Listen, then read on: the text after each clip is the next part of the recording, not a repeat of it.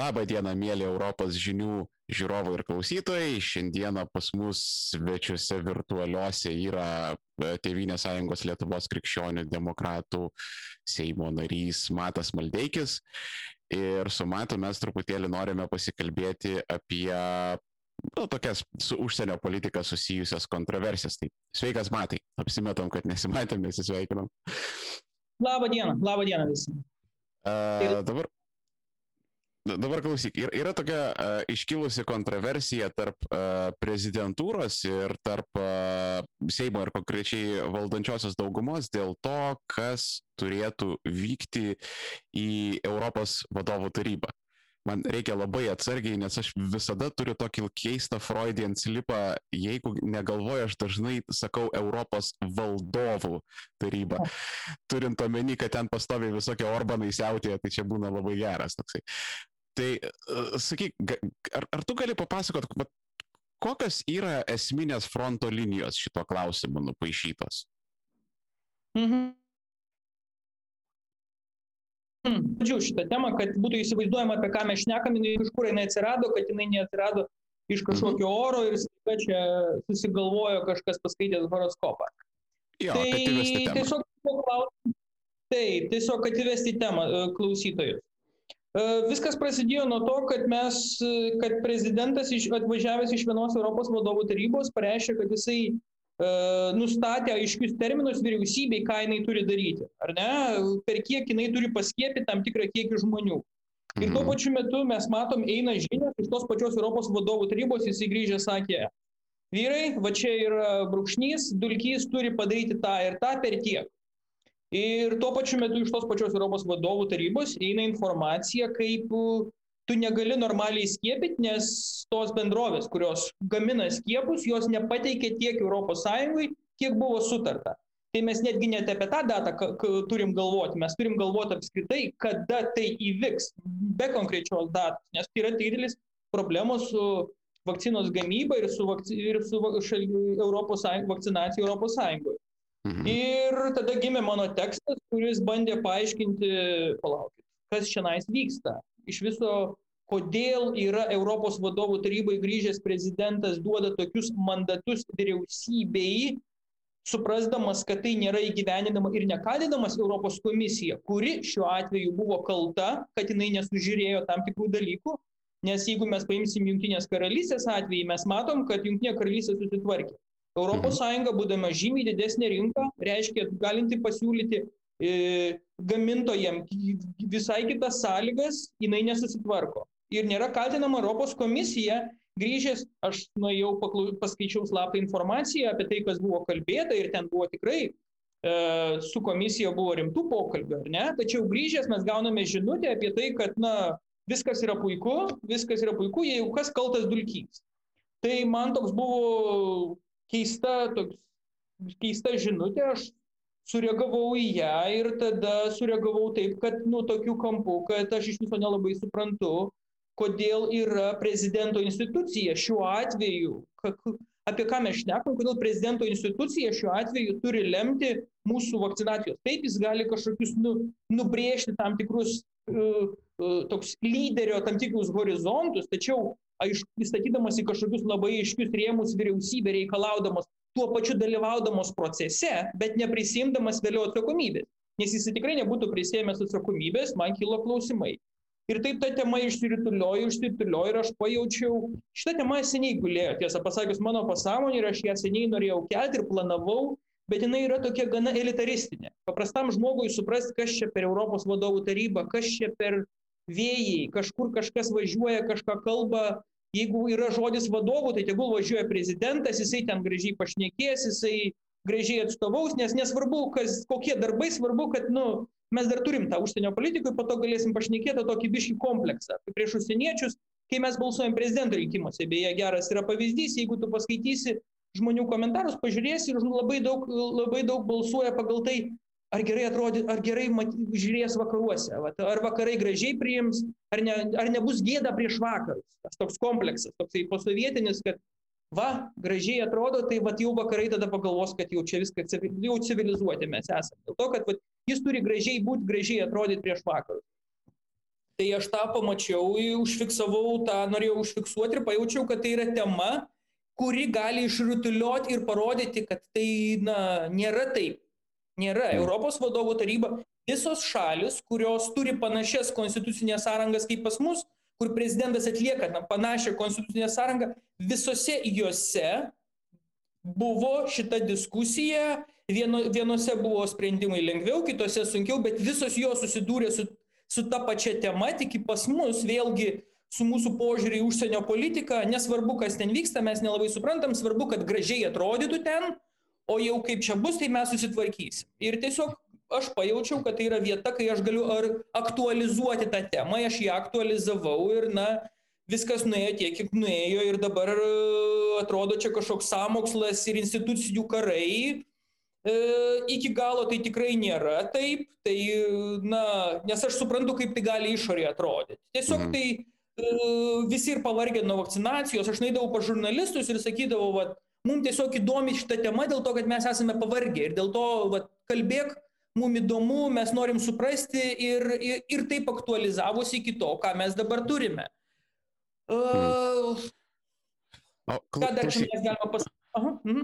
Aš, aš galvoju, vat, jeigu truputėlį užkabinti pačią instituciją, Europos vadovo tarybą, ne, nes dabar yra at- atsiradusi, aš, aš atsimenu, buvo laikas, kada ir pats klėdėjau šitais dalykais, e, yra dabar atsiradusi falanga visokiausių ten, e, dažniausiai tai yra gilesnės dešinės demagogai, e, kurie pasakoja apie niekieno nerinktą, niekam neatsakingą Europos komisiją, kur iš dalies kaip ir yra teisybės, bet yra Europos vadovų taryba, kuri yra žymiai, žymiai pagal savo įgaliojimus galingesnė, kuri gali praktiškai stabdyti bet kokį e, Europos komisijos sprendimą ir kur yra labai daug e, sąsajų netgi su, e, su, su, su, su abiejų tautų Respublikos liberum veto klausimais, kad jeigu vienam kitam kažkas nepatiko ir labanak.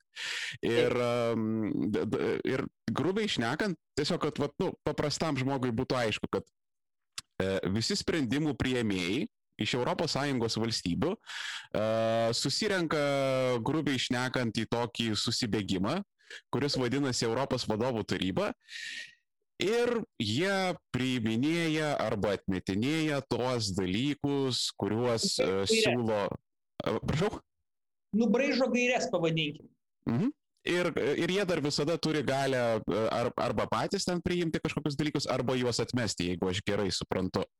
Prasme, tai uh, grubiai šnekant, mintis yra, kad turėtų ten dalyvauti sprendimų prieimėjai. Uh, Lietuvoje prezidentas jokiais būdais niekada ta institucija nebuvo uh, sprendimo prieimėja, net ta prasme pagal net konstituciją ir prezidento įstatymus, kaip tik nori, taip žiūrėk, nesigauna.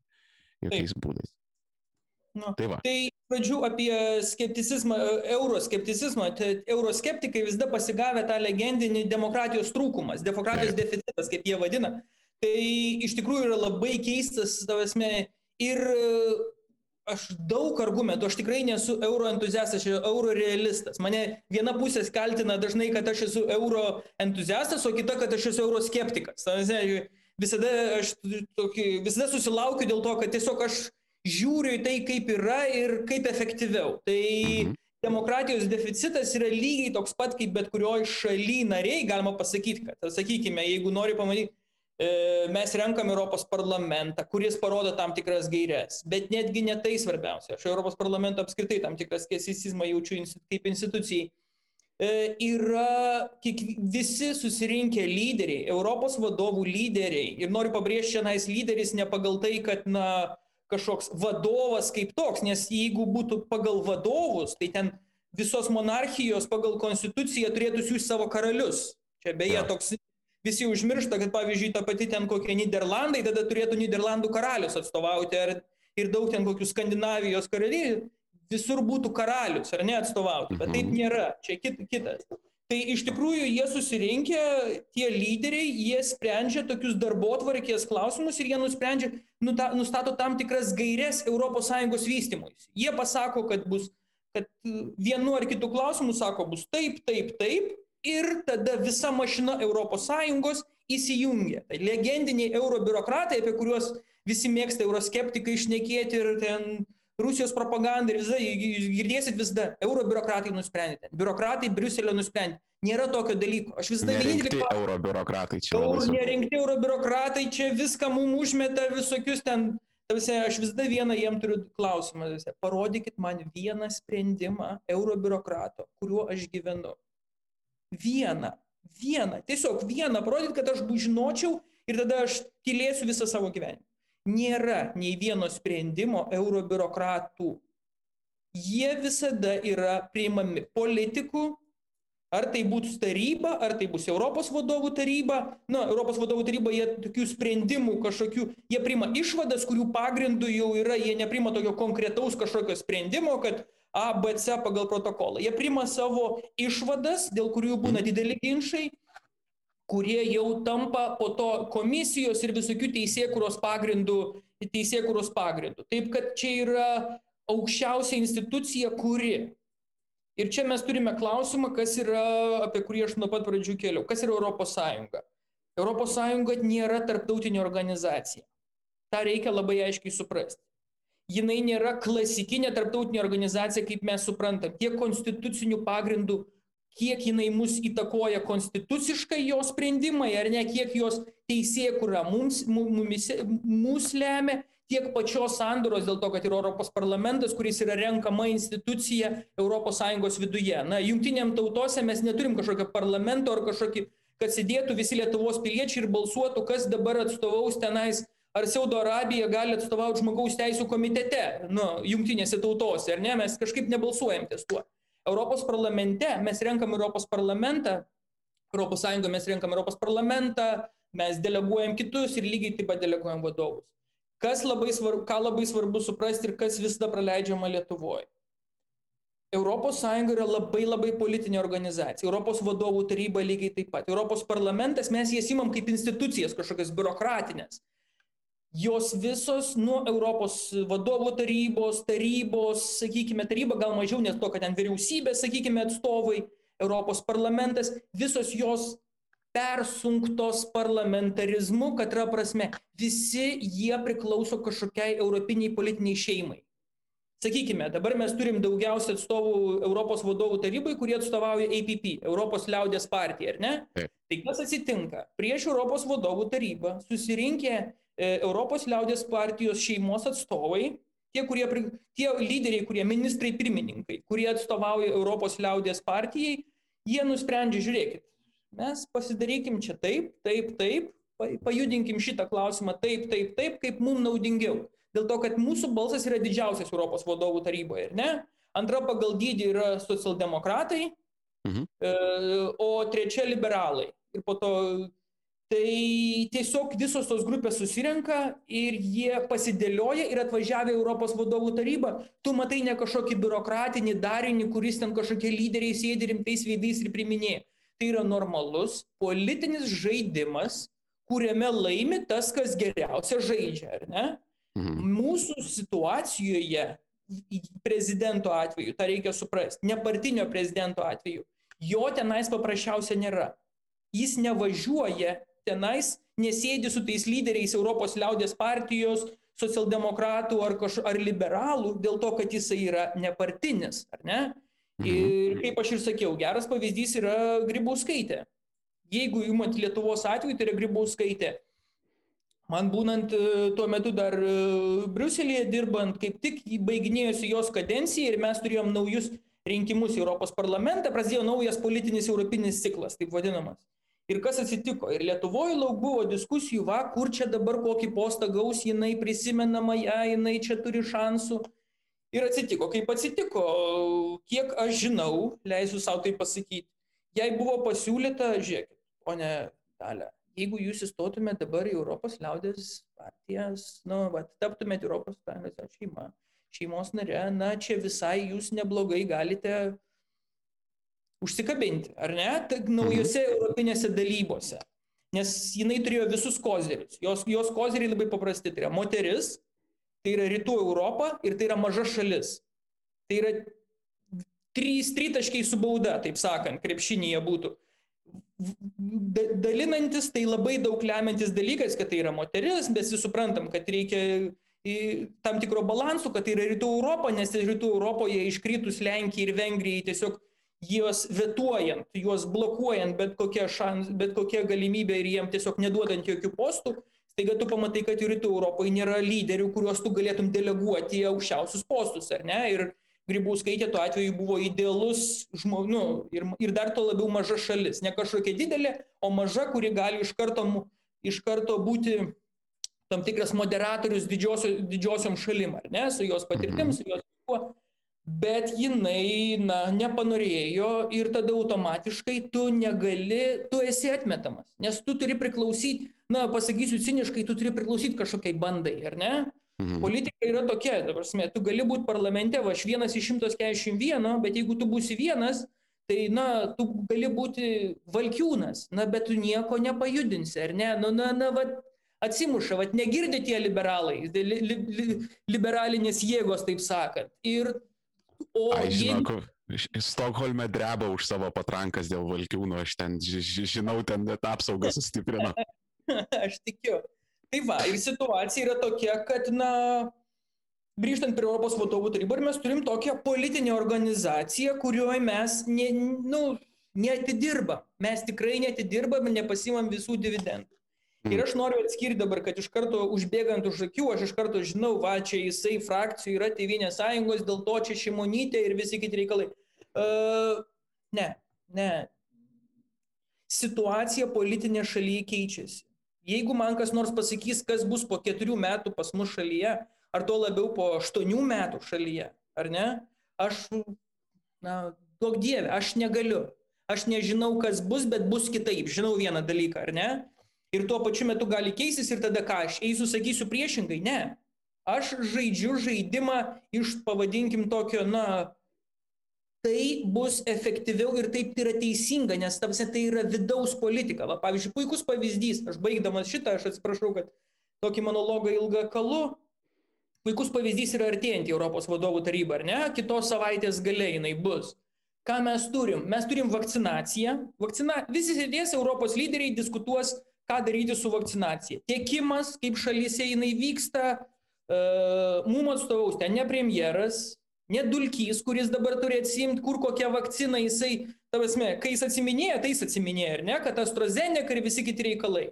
Mhm. Ir visi labai skeptiškai. Bet jo tenais nebus, kai bus sprendimai, ką darom su AstraZeneca. Nebus ministrės pirmininkas, kur yra dulkio vadovė. Bus prezidentas, kuris, na, tiesiog skeptikas, ar ne, kažkoks tai, nežinau jo rolės. Toliau bus e, pasai, ką darom su pasais. Tai visiškai mano įsitikinimu šal, su vakcinacijos pasais kelioniniais. Nes Europos komisija pateikė pasiūlymą ir mums reikia nuspręsti, ką mes darom su tais pasais, kokios yra šalyse nuotaikos, ar, ar mes judam su tuo ar ne. Tai yra visiškai vidaus klausimas, mano įstikinimu, nes vyriausybė už tai turės atsakyti. Tada bus skaitmeninė darbo atvarkė. Tai yra kokia bus ES, kokios bus šalis, kokia bus Lietuva, ką mes darom su mūsų, e, sakykime, e, e, e, e klausimais, ar ne? Ta prasme, kaip mes judam link to, tai yra vyriausybės klausimai, kaip jinai įgyvendina skaitminę darbo atvarkę, kaip mes, ką mes darom, kad mums greičiau būtų tokie dalykai. Prie ko čia prezidentas? Prezidentas neatsakys. Po to yra euro klausimas, ar ne? Tai, na, aš nežinau, prezidentas spręs, ką mes darom eurozonoje su euru. Suprantat? Mhm nu jūs man įrodykit, kad tai yra prezidento. Tai kažkaip, va, su, ir lygiai taip pat. Ir tik paskutinių klausimų bus klausimas dėl Rusijos. Ką mes darom su Rusija? Suprantate? Tai vad mes turime daug klausimų, kurie yra vidaus, vienas tas. Ir gaunasi. Nu, čia, žinai, gaunasi visiška nesąmonė, nes čia grubiai išnekant, mane galima būtų nusiųsti į Europos vadovų tarybą ir aš plius minus turėčiau panašų mandatą kaip prezidentas kažką daryti šitais klausimais, nu galbūt išskyrus Rusiją. Nu, man dar kol kas konstitucija neleidžia formuoti užsienio, kol kas, pažymėsiu šitą žodį, neleidžia formuoti užsienio politikos, bet vis tiek. Bet žinai, tu užkabinai tokią vieną svarbę temą apie tam tikrus apie bandas, ne? pagal kurias galima veikti. Vat Lietuvoje yra vieną kompleksą irgi užkabinai. Yra kompleksas, žinai, kaip mes atrodysim prieš užsienietį, ne? Va turi būti prezidentas aukštas, gražus, su gražiai pasiūto kostiumu, visa kita. Ir kitas dalykas yra, kad vat, tas kažkoks pavadinkim tai tado, tado blindos kompleksas, ne, kad ten e, vienas plėšikas kažkur ten miškuose besislapstydamas ar ten su gaujėle bendraminčių, va jisai gali e, atstatyti visas istorinės neteisybės, ten supranti, karosinti bajorus ir, ir, ir e, padėti vargstantiems ir panašiai, nors pagal realybę, man atrodo, jeigu neklystu istorinį tadą blindą, ten berots caro, caro kariuomenė ten greit išvalė, sutraiškė ten kibienį fienį, nieko nepaliko.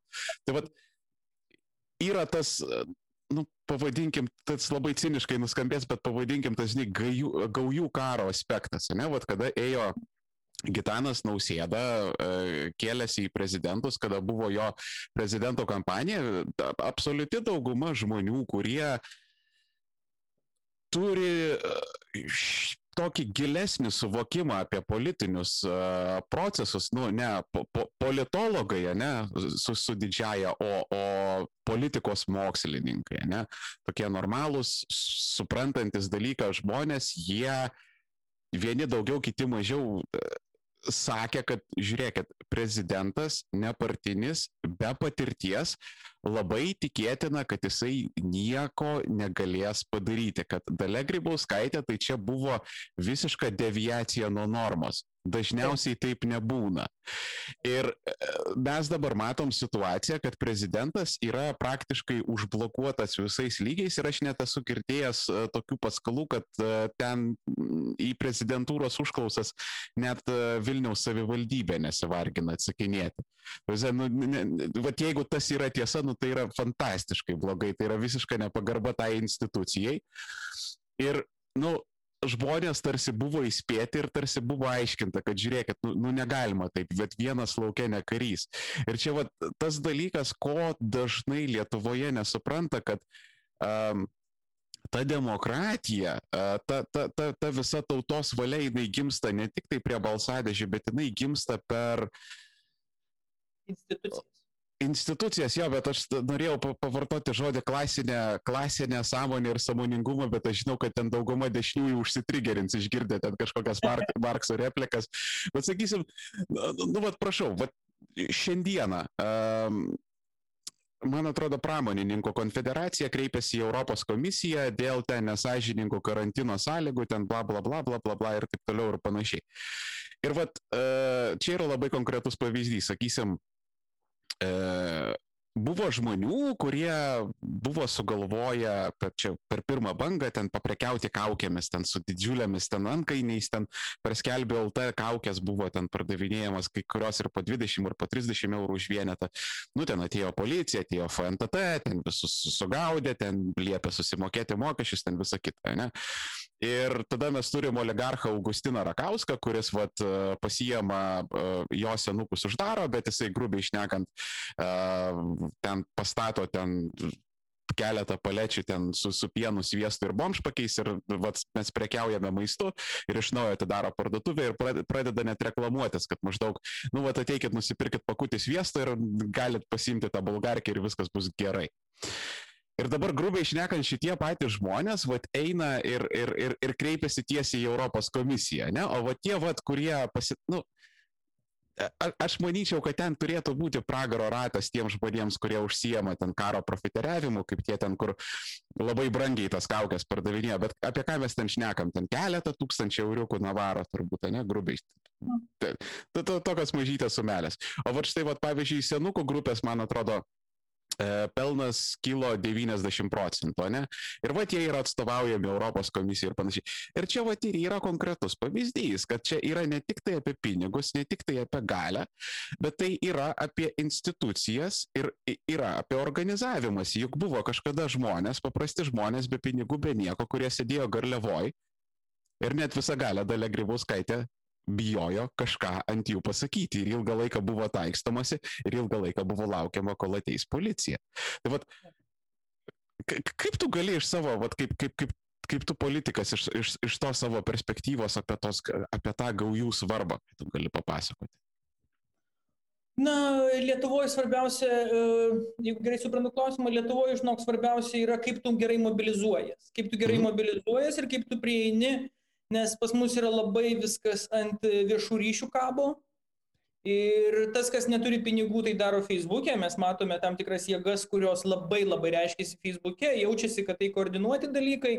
Sakykime, bandant tokį sukurti tam tikrą burbulą, kad mūsų yra labai daug, vien dėl to didelė dalimi, kad iš Facebook'o tiesiog didelė dalis tiesiog išėję yra iš tokio, na, iš tos politinio lauko, jie tiesiog nedalyvauja.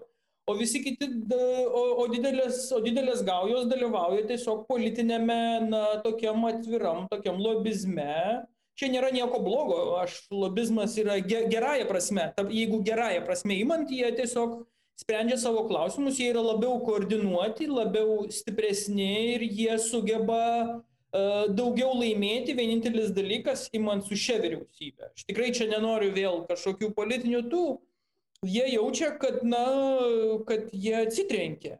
Jie atsitrenkia, tu neturi, tai yra, na, nu, kol kas aš manau, kad tiesiog iki Ingridos tiesiog mažai kas daina, kad susitvarkytų. Visi, nieks nelabai daina, kad suprantat, kad ten galėtum ten kažkokius savo kaip ankstesniais dalykais tu tvarkydavai klausimus. Tiesiog to nebėra. Ir e, tos grupės, jos reiškiasi kitaip. Tai yra labai normalus, geras reiškinys, labai gerai, kad jie eina į Europos Sąjungą kad kreipiasi į Europos komisiją, sakykime, kad tai daro civilizuotai, aš pritariu, kad tegul Europos komisija pasako šiuo atveju savo nuomonę, tai mhm. parodo, kad ES reikalinga, tokiu atveju jie pripažįsta, kad jie nori žaisti tam žaidime, nes staiga tu kreipiesi ten, kur tu ieškai gerų, bet uh, iš esmės tai yra, na, iš esmės tai yra psichologinis spaudimas, bandant, sakykime, čia nesvarbu, nu ką Europos komisija šiuo atveju gali pasakyti.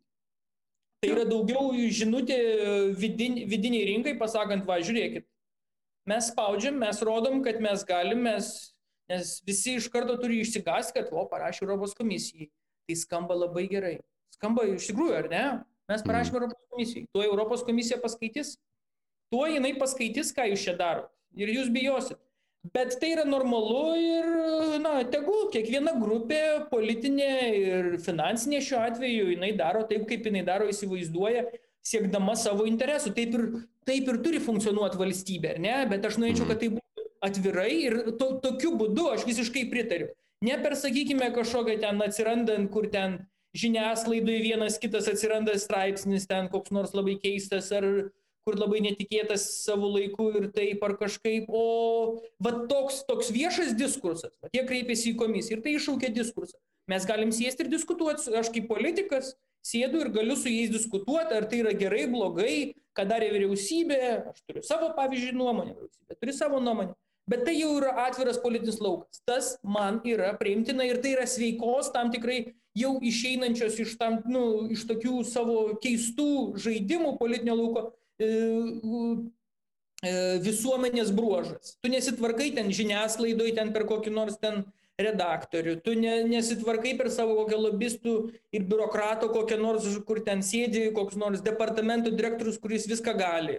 Mhm. Tiesiog tie žaidimai nebe, ne, nebesigauna. Ir jeigu nesigauna tokiem stipriem ir dideliem verslininkam, tai yra sveikstančios visuomenės požymis. Tai yra labai gerai. Į komisiją puiku. Tai dar norėčiau pažymėti tokį dalyką, kad kalbant apie tas visas gaujas, labai dažnai žmonės nesupranta to reikalo, kad kai, kai tu žmogui pasakai, kad žiūrėk, vat, nu, tie metaforiniai mūsų ten plutokratai ir oligarchai, jūs žinot, kas jūs tokie esat, tai jie jie vienijasi ir, ir tu vad žmogui parodai, vad štai yra koksai pavyzdys, jie vienijasi, jie pasiekia tai, ko jie nori, e, ar oficialiais kanalais, ar neoficialiais kanalais, čia klausimas yra kitas, bet e, svarbiausia, kad jie vienijasi. Ne? Ir absoliuti daugybė žmonių sako, jo, jo, jo, vienytis yra labai gerai, labai svarbu. Ir kada e, tu pabandai juos suvienyti, tu pamatai, kad jie išsiskaldo tokiais klausimais. Aš, aš pateiksiu pavyzdį čia nesinorėtų su vardais ir pavardėm, bet e, reiš, reiškia, buvo, buvo toksai klausimas, kur uh, Aušra Valdeikienė galėjo iškomunikuoti kaip po Europos uh, europarlamentarė ir, ir, ir tam, tam būtų atsiradusi tribūna, bet, vat, suprantate, atsirado žmonių, kuriems, vat, vat jinai nepriimtina, vat nepatiko ta maldeikienė ir viskas, ne? Ir, ir, ir atrodo, nu, Asilė, koks tau skirtumas yra? Tai tu, tu, tu gausi nu, tokia once in a lifetime galimybė tribūną kažką pasireikšti, tu gausi ta pati e, gilesnės dešinės klausimas. Taigi buvo ilgą laiką kalbama tenais apie ten didžiulę koaliciją, ne 20 metų rinkimams, kad ten grubiai išnekant ten Jozaitis, Radžvilas, ten Dagys, visai. Jie išsiskaldė, kur ten žmonės 95 procentais sutarė, išsiskaldė ties 5 procentais. Tai, tai va, va, šita yra pagrindinė, e, pagrindinė vieta, ko žmonės labai nesupranta, tiesiog atsisako suprasti, kad vat, jums reikia rasti bendrą kalbą e, ir sutarti ir, ir, ir susitarti dėl kažkokių kompromisų su tai žmonėm, kurių jūs nemėgstat, nekenčiat, kurie, nes jeigu jūs galvojat, kad ten tie oligarchai jie vienas kitą labai myli ir ten nėra kažkokių tenais. Taip, taip. Jo, ir, Mhm. Taip, ir, ir, ir ten yra įvairios falangos, vieni pasikėlė 90-aisiais, kiti 2000-aisiais, ten atsiranda tokie visokiausi, ten įvairiausiais aspektais, bet vat, es, esminis yra dalykas, jūs, jūs, jūs turite išmokti ieškoti kompromisų.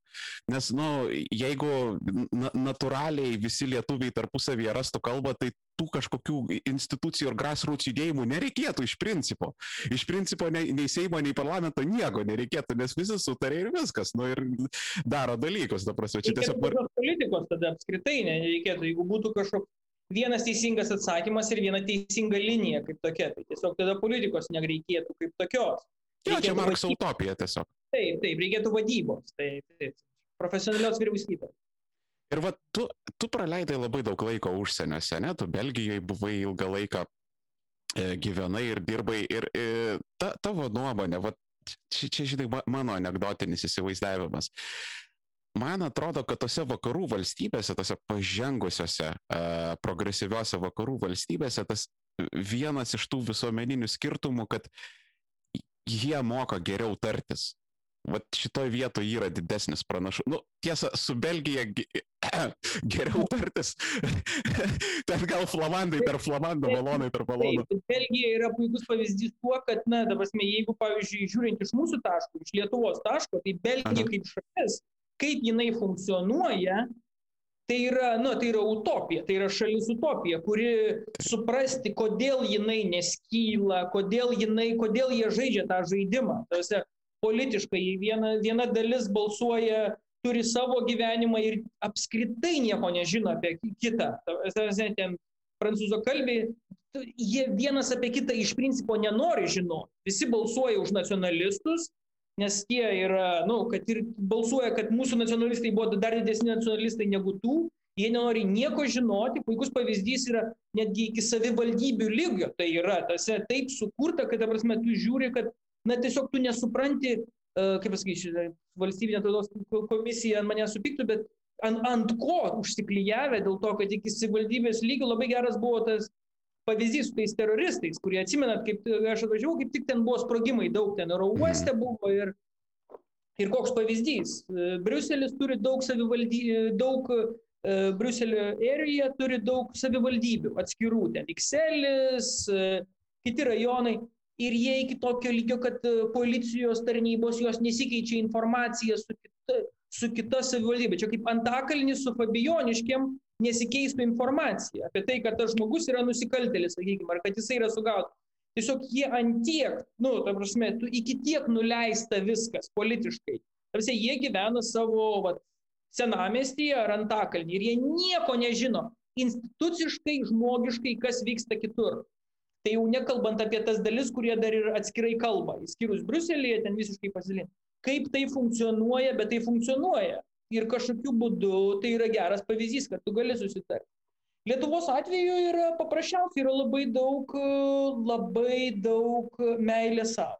Labai daug mm. meilės savo ir labai mažai tavse bendram interesui atsidavimo. Nes jeigu jau, tavasme, iš tos gaujos būsiu, tai būsiu aš. Ne tai, kad ta idėja praeitų, bet svarbu, kad aš.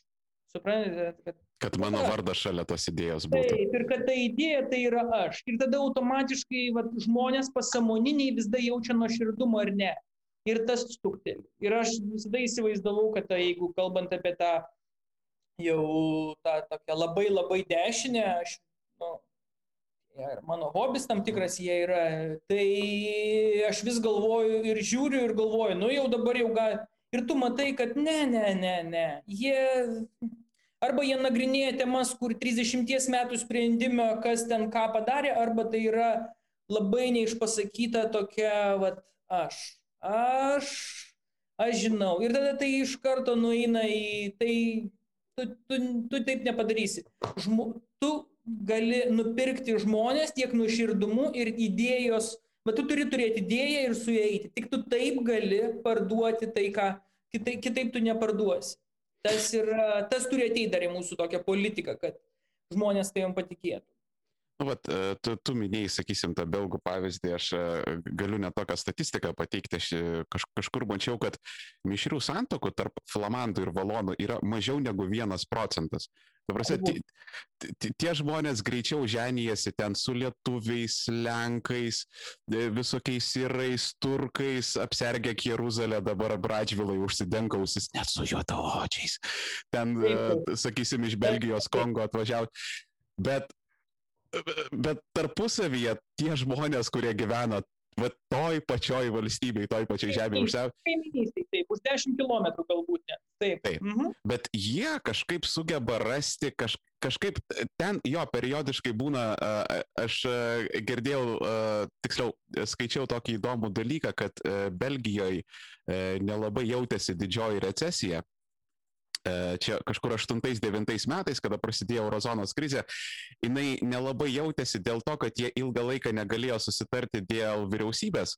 Ir kadangi nebuvo vyriausybės, tai kaip ir niekas neturėjo mandato įjungti taupimo politikos. O, ir jie gerai vystėsi labai taip. Ir jie jo. visai labai gerai, jie du metus buvo be vyriausybės ir jie labai gerai prasuko, jie, tiesą pasakius, net pininkavo Europos Sąjungai be vyriausybės.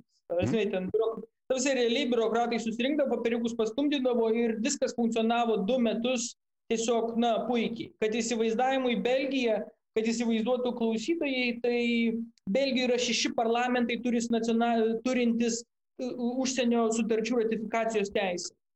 Tarsi, jeigu, pavyzdžiui, kai buvo klausimas dėl Ukrainos asociacijos, tuo metu kaip tik, va, na, tai šeši parlamentai tai sprendė. Šeši parlamentai Belgijoje turi nacionalinių tarptautinių sutarčių ratifikacijos teisę, kas yra aukščiausia, nu, tarp, nu, į aukščiausią tokie kaip teisė dėl to, kad tu tarptautinės sutartis koreguoji, ne kažkokius ten mokesčių stundai, bet tu iš tikrųjų prižiūri, kaip yra, į kokias sutartį, tarptautinės sutartis tu eini.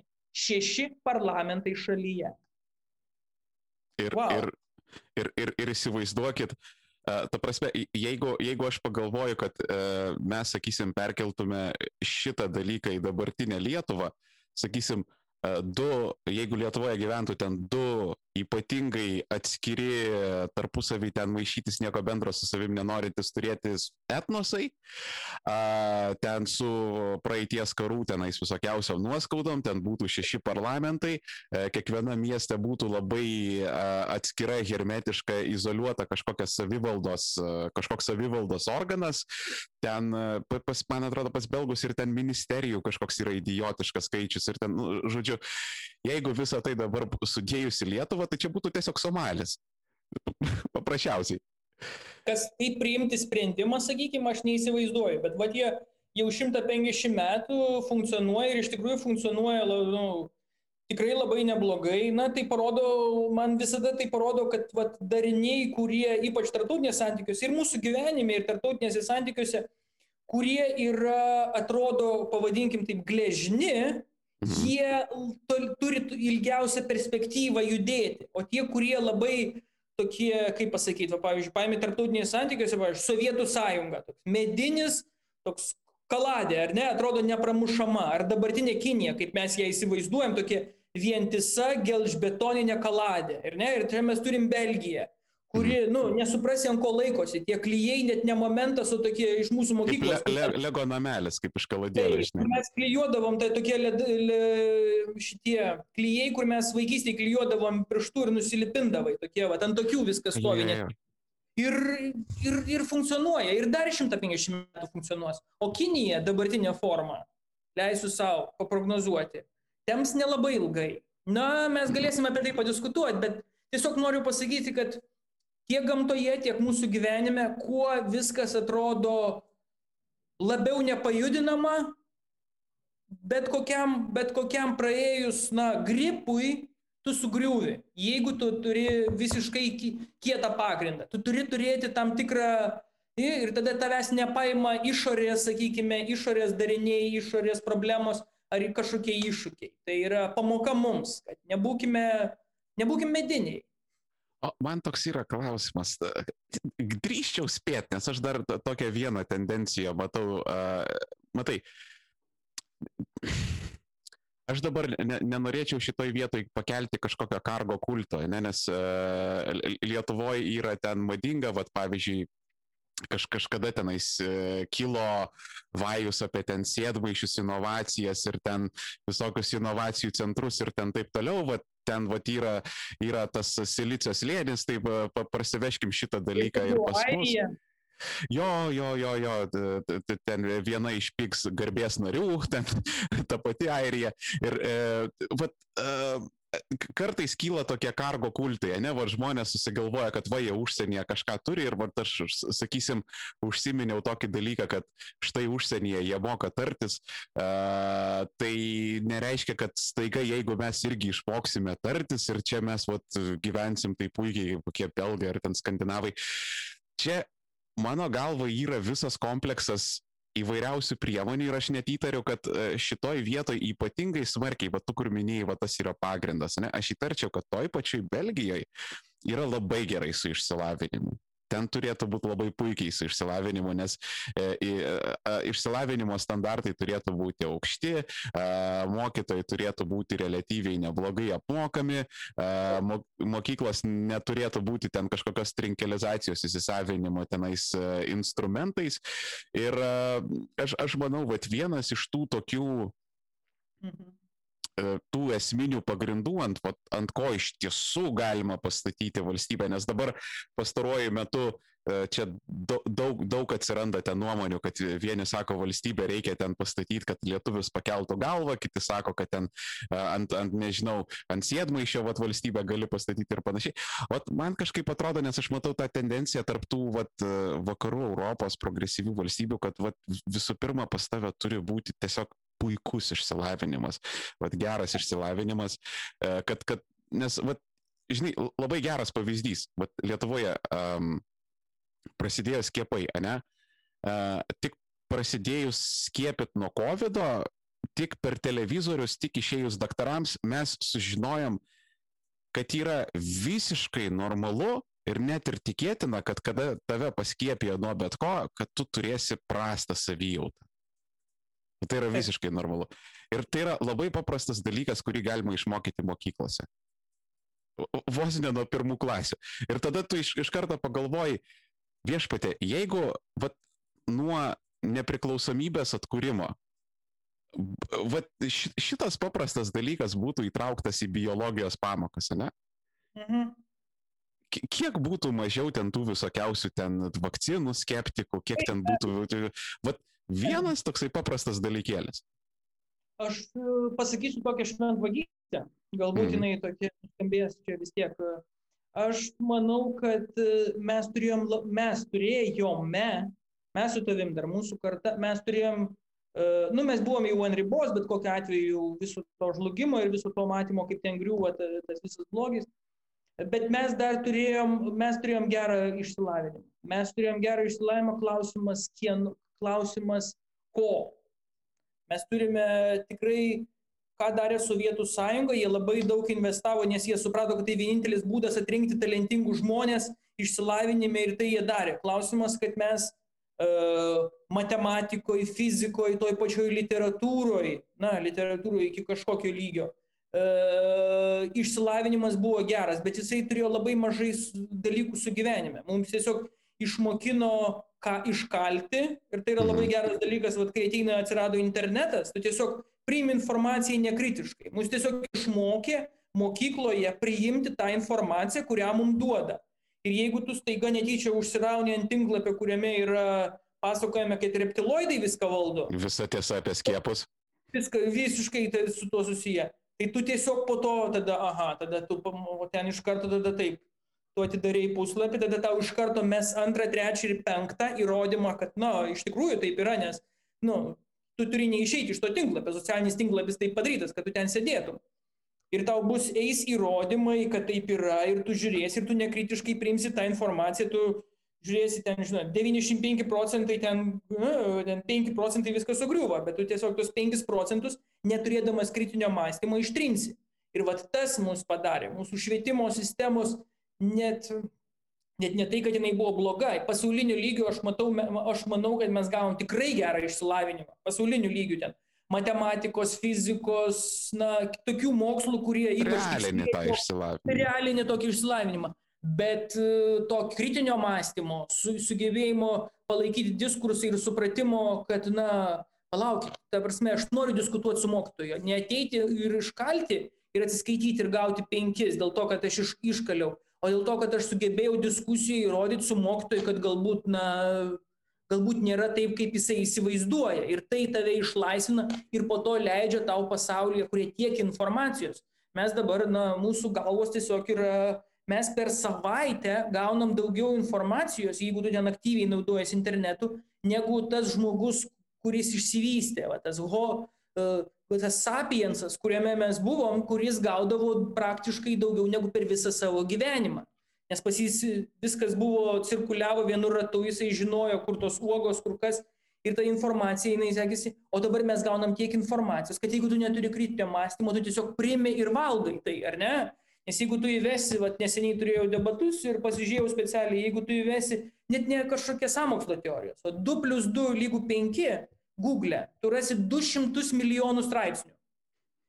200 milijonų straipsnių, kurie patvirtins tau, okei, okay, tenais koks milijonas sakys, kad gal ne, bet 199 milijonai sakys, kad you go boy, ta prasme, patvirtins tam, kad tu įtum tuos tinklapius, žiūrėtum, tai ta prasme, ką tu beivesi internete, tu vis dar esi savo patvirtinimą. Patvirtinimą tos nuomonės, kuri patvirtina. Ir čia yra, čia yra spastai mūsų demokratijai ir mūsų supratimui. Anksčiau, nu, mes užmirštam, kad mes prieš 15 metų gyvenam, įsivaizduokit, kokiam pasauliu. Mes turėjom du redaktorius, du redaktorius, literaliai, kurie spręsdavo, kokios bus visos mūsų mintis, ar ne? Tu atidarai vieną laikraštį ir kitą, ir tavasi, tai yra viskas, ką tu per tą dieną, be kokia ten radijos ir žinių, ten, kur ten neįdomios, tai visas, ką tu suvartosi, informacija praktiškai bus iš ten, ar ne?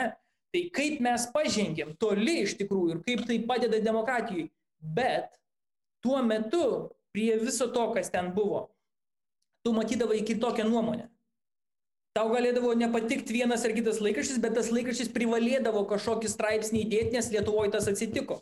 Tu mhm. dabar gali gyventi tam burbule, kur tu net niekada nesužinosi, kad kažkas pasakė kažką, ar ne, kad, nu, e, ir tai yra, na, tai kelia iš tikrųjų tai, ką, ką aš matau. Aš padariau tokią provokaciją, tiesą pasakius, Jeigu įdomu, aš prieš kokius, nežinau, kelis mėnesius, matydamas visą šitą hypą, aš parašiau tokį provokacinį straipsnį apie, apie vakcinas, apie tai, kas vyksta ir, na, jį numečiau į tokius, na, tuos, taip sakant, tuos burbulus, tokius socialinius. Tai taip, ta prasme, tai buvo kaip pamaišyti bičių avilį, suprantate? Aš pamaičiau bičių avilį ir vis tas manęs užėjo tokia, šūk, tai nuplovė tokia banga apie viską, apie save sužinojau. Mes neįsivaizduojam, kaip kokiuose burbuluose gyvena mūsų visuomenė. Mes neįsivaizduojam. Čia net neįman, sakykime, kokį nors JAV, sakykime, mes nežinom, kokiam burbule gyvena mano kaimynas. Mes neįsivaizduojam, kokiam pasauliu, kokiam minčių avily jisai gyvena ir kaip tai skiriasi nuo manęs. Tu gali su juo kiekvieną dieną sveikintis ir sakyti, va, geras bičias, viskas, bet, na, mes gyvenam ant tiek skirtingam pasaulyje. Ir tas yra, na, tas individualiai yra gerai, jisai gyvena laisvam tam pasauliu, kurį įsivaizduoja, bet e, mum kaip visuomeniai, na, nežinau, nežinau, nežinau. Tas, tas nėra gerai. Aš netgi, vat, biškelį, jeigu pamėgint sugrįžti šiek tiek prie užsienio politikos temos, mes kaž, kažkada per rinkimų streamą netgi bandėme šitą dalyką gvildenti. Vat, vat yra, yra tie uždari burbulai ir tie burbulai dar klyjuojasi, žinai, į atskirus burbulus ir tada gaunasi toks, žinai, Lietuvos burbulas, ne, kur ten uh, tai bendrai paėmus, žinai, absoliučią daugumą tūlų, ten tų paprastų žmonių, lietuvių, visišką absoliučią daugumą, ta, tas, tas užsienis, ta užsienio politika, ką, nes yra, va, nu, šiaip pasaulyje užsienio politika nelabai kam yra įdomi, bet uh, rytų Europoje ir Lietuvoje jinai yra ypatingai neįdomi. Ir, ir net šito dalyko avataras buvo e, Dalia Grybauskaitė, kuri ta prasme, aktyviai naikino ir niekino užsienio politiką, vat, vat net, net iki to buvo prieita. Ir, e, žinai, mano galva čia irgi, žinai, prisideda išsilavinimas, nes, nu, tu per išsilavinimą, tu gerą išsilavinimą. Tu matyt didelius procesus turi, taip. Mhm. Jo, tu, tu, tu gali pamatyti, bet dar aš, aš tokį savo uh, neseniai pa, pa, padariau tokį kaip atverimą, kaip čia šitą dalyką pavadinti, tiesiog man toptelėjo tokia idėja. O gal Lietuvoje yra ta problema, kad mes esam nykštukinė imperija, pavyzdžiui, kad, nu, tas LDK kažkoks, va, yra, žinai, nes, va, supranti, va, niekam širdies, aš kai pasakau, kad vat, valdovų rūmai ten, man atrodo, kokį šimtą milijonų eurų berots, ten, kai, ten statėsi ten be maž ten 20 metų, ten kiek ten kartų samata ten išbranko, visa kita. Ir, ir aš kiekvieną kartą vat Vilniui praeinu pro katedras, man širdis skauda, nes aš ten matau į tą trinkelę, kiek ten yra mokytojų algų įmūryta tiesiog į vatos valdovų rūmus. Ir vat absoliuti dauguma žmonių sako, ne, va čia žinai, va atrodytų užsieniečiams, ta prasme, tėvai, tie užsieniečiai yra ten, nežinau, ten Bekingemo rūmus matė, ten Prancūzijos, tas visas, ta, tie valdovo rūmai yra daržinė, ta prasme, nu, šnekėkime atvirai, va, ir, ir, ir tas va, kažkoks yra keistas toks nikštukinis imperializmas, va, ar, ar, ar, ar aš užkabinu tą stygą, kaip tau atrodo? Aš, aš, aš suprantu, ką tu turi omeny, na, mes, mes esam, lietuviai yra aš nežinau kaip kitose šalyse, ten kokie, pavyzdžiui, Latvijai paėmus, kaip pas juos, aš manau, kad jie yra, nu, Ryga yra uostas ir pas juos jau kitas mentalitetas, su Talinu irgi kitas mentalitetas, nes arti yra, arti yra Suomija, o mes, mes, esam, mes esam labai labai uždari. Mes esam labai uždari. Užsienio politikos naujienos mes priklausom, na, mūsų eksportas, importas, tarsi mes priklausom antiek nuo užsienio politikos, kad tai yra neįtikėtina. Tarsi, Mes esam nu, skersvėjais. Mes esam skersvėjais, kiekvienas gripas mums stukteli. Tačiau mes esam labai, tarsi lietuviai yra labai labai uždara šalis. Aš nežinau, kodėl taip yra ir aš jau sakiau tą aforizmą.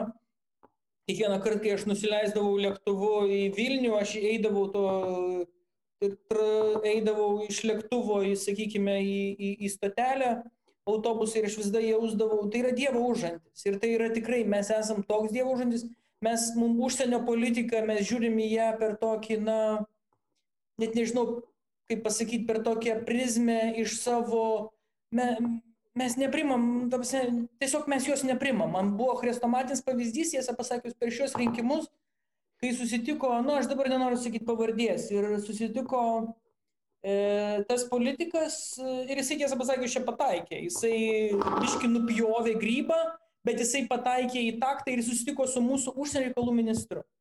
Žmogus, kuris aštuonis metus buvo Lietuvos Respublikos užsienio reikalų ministras Linas Linkevičius. Man atrodo, Linkevičius... nėra buvę tokio ministro Lietuvos istorijoje, kuris vienoje ministerijoje aštuonis metus prasidėtų. Arba, arba vienas, du, nedaugiau.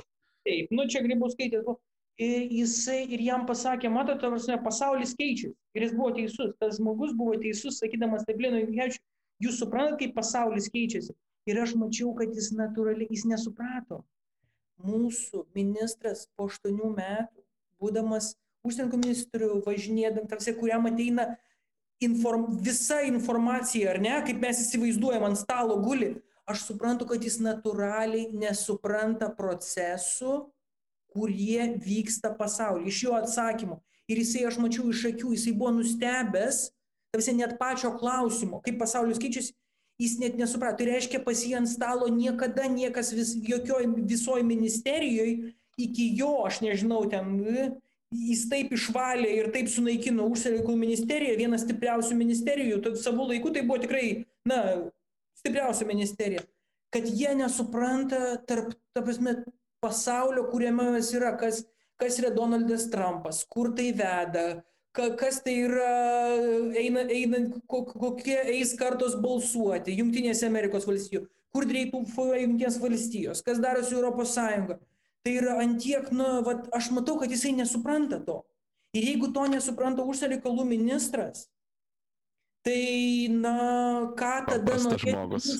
Taip, paprastas žmogus, kuris, na, kuriam tiesiog naujienos eina vat, apie užsienį, jeigu aš, na, na, aš nelabai galiu žiūrėti žinių, nes man per, su, per sudėtinga, tai, bet kai tu prisiverti ir pasižiūri žinias, na, tai tas, tada kažkas karvė nudvėsė, karvė nudvėsė, karvė nudvėsė, tas ten blogai, tas ant to pavarė, tada užsienio politika buvo ten kas nors ten tipo kokios nors ten, na, tokia istorija, kažkas tai, užsienio politikos dalis tai bus, na, na geriausiu atveju, ten Trumpas kažką ten tipo pasakė, nuvėptose, bet jokių, mm. nu, tavasi, tai yra apie nieką, tai yra realiai ir tada sportas, ir sveiki gyvi kriminalinė kronika, jes, yes, pagaliau da gyvi. Ir tai yra viskas. Ir tavasi tam žmogui, na, tai be abejo, tu ant jo negali pykti, jis negali savo gyvenime sėdėti ir, nu, domėtis užsienio politika tai yra, nu, su kuo žai žalgeris. Vat, Stambulas žaidžia, tai su Stambulu žaidžia, tai du kartus per savaitę. Tai reiškia Stambulo konvencija, a, tai tas pats miestas ten, tai ten, ten visokie ten, suprantate. Tai vat, per tą prizmę mes turime, mes neturim absoliučiai ir mūsų, ir aš dabar pasakysiu labai, tai galbūt nuskambės blogai, bet vat, šitose, šitoj vietoj pasijaučia mažos šalies efektas, kad mes, ta prasme, mes neturime intelekto. Mes neturim intelekto, kuris generuotų idėjas, kur, su kuriomis mes galėtumėm kažką, nu, žaisti tarptautinėje arenoje. Ir kai mes suprantam, kad mes tam neturim intelekto, tada mes pasakom, žiūrėkit, mes tiesiog maži. Mes tiesiog maži, dėl to mes šiandien nesprendžiam naujus, mūsų vis tiek niekas nepriklauso. Ne, Tiesiog mes nenorime, nes tam reikėtų tada atsisėsti prie stalo ir su tuo pačiu tenais, e, ten Niderlandų, su, Nider, su žmogumi iš Niderlandų kažkokiu specialistu, su kitu, su juo lygiai debatuoti ir jam įrodinėti. Žiūrėkit, yra taip, taip, taip, kaip jūs įsivaizduojate. Ir tada žymiai geriau pasakyti, ai mes mažym nuo mūsų niekas nepriklauso, mes net nedarom tos diskusijos, ar ne? Vat, vat tame aš manau, kad yra Nes mes, jeigu paimti, pasakysiu labai, galbūt tai nuskambė, aš manau, kad tai visiškai tiesa. Jeigu tu paimsi vidurkį, jeigu tu paimsi vidurkį, mes esam, mes pagal išsilavinimą esam geresni. Geresni, čia yra labai blogas žodis, bet labiau išsilavinę negu vidutinis belgas. Čia bus paradoksas, sakykime, imkim, imkim belgas su lietuviais. Bet politinio elito lygyje, paruošto lygyje, jie žaidžia kitoj lygoje. Ką darė, tai yra tiesiog mokyklų pasirinkimo modeliai. Vat Junktinė karalystė turi tokį modelį, jinai labai paprastai. Na, švelniai tariant, Junktiniai karalystiai, na, nestebuklingas yra švietimo sistema. Nestebuklingas. Švelniai tariant, aš šiandien labai, na, nestebuklinga, palyginus su mūsų senaja, ne dabartinė, nes ten dabar yra iš viso. Tarsi apie mūsų dabartinę aš nešneku. Ta, ką mes gavom, sakykime, su tavim, ar ne, tos pačios kartos. Man tiesiog gaila dabartinių vaikų, aš nesuprantu, kur jie mokytis. Tai e, e, vidutinis Britas, jis gauna daug prastesnį įsilavinimą, nei gavom mes su tavim. Bet jie augina politinį elitą. Na, paimk jungtinės, jungtinės karalystės parlamentą ir tu pamatysi, kad 80 procentų iš jų baigė tas pačias mokyklas ten. Premjerai visi, na, buvo klasiokai ten. Brexitas, aš noriu priminti, atsitiko dėl to, kad Cameronas su Johnsonu mokėsi toj pačioj klasiai. Ir Cameronas buvo klasės toks tipo kietuolis, o Johnsonas buvo, buvo biški toks, ne tai, kad loseris, bet toks huliganas. Mhm. Ir kai atėjo momentas, jie buvo klasiokai ir jie tiesiog po to universitetas, viskas judėjo taip ir atėjo momentas, kai tiesiog, na, Johnsonas, jis, jis buvo prieš Brexitą, jis sakė, Brexitas yra visiška kvailystė. Jis visas tai sakė, čia, čia briedas. Bet atėjo momentas ir jis įsako, palauk, tai dabar Cameronas visą laiką bus premjeru, o aš toks tipo vis tiek aš gal kietesnis, pas mane šukuosina kietesnė, o tas pižonėlis Cameronas, tai aš davai būsiu prieš. Ir jisai buvo tas X faktorius, kuris nuėjęs į, į Brexito pusę, vien tam, kad įspirtų Cameronui. Jisai neplanavo Brexito. Jisai jau tikslas buvo įspirti Cameronui į vartus. Tam tarsi tam klasiokui ir tam univerė, galbūt ten kokią merginą nuviliojęs buvo vien savo laiku. Asmeniniai, jie visi iš tų pačių mokyklų ir tų pačių universitetų. Tu paraši politinį elitą. Tai skamba galbūt blogai, na, taip labai ciniškai ir taip klasiškai, nu, bet Junktinė karalystė tai funkcionuoja. Jie tiesiog, na, jie tiesiog taip užsiaugina savo lyderius, mokydami juos. Ar tai būtų Čerčilis ar, ar, ar Johnsonas, Jie visi baigė tas pačias mokyklas. Jie visi baigė, tas, atsiranda vienas kitas premjeras, kuris ne, bet, na, jisai kiek jis patempė. Nu, tiek jis ir patempė. Suprantate? Hmm. Vis tiek galų gale už jo stovi žmonės, tas visas e, e aparatas, tai jau kaip čia pas Deep State, kaip dabar populiaru, yeah. čia, tai čia iš Turkijos, jūs mano imperijos atėjęs pasakymą. Tai e, jisai, jisai žaidžia ir lemia ir tada šalis juda. Ir tada tam žmogui, tam vidutiniam Džo, sakykime, Mhm. Ten kur nors e, Springfield'e jam tiesiog reikia, na, eiti į naują, į tą supermarketą, jis įperka, gavo svarų, jis įperka, jis tam burbulė gyvena ir jam gerai, nes valstybė, nu, juda tas. Kitas dalykas, kitas pasirinkimas yra visą šalį kelti, bet tai yra brangu, tai yra labai brangu. Nu kaip, ten, žinai, yra visada problemų su uh, tom, uh, kaip pasakyti, elito mokyklom, kad ten gali susiformuoti tokios labai elitistinės tusovkas, bet, žinai, bent jau... Nu, kai, jo, kiekviena, žinai, kiek, kiekviena moneta turi dvi pusės, bet, žinai, yra pagrindinis dalykas, kad kada tu ruoši elitą, tai galbūt nėra, kad tavo, žinai, užsienio reikalų ministras atbuvęs, uh, turbūt ilgiausiai iš jūsų užsienio reikalų ministrų šalies istorijoje, sėdi, supranti ir klapsi akytėmis apie ten kažkokius istorinius pokyčius, kur ten net nelabai supranta, kas ten vyksta. Vat, nu, aš, aš, aš įsivaizduočiau, čia, uh, čia dar kur COVID įvyko, kažkokia pabėgėlių krizė, visa kita.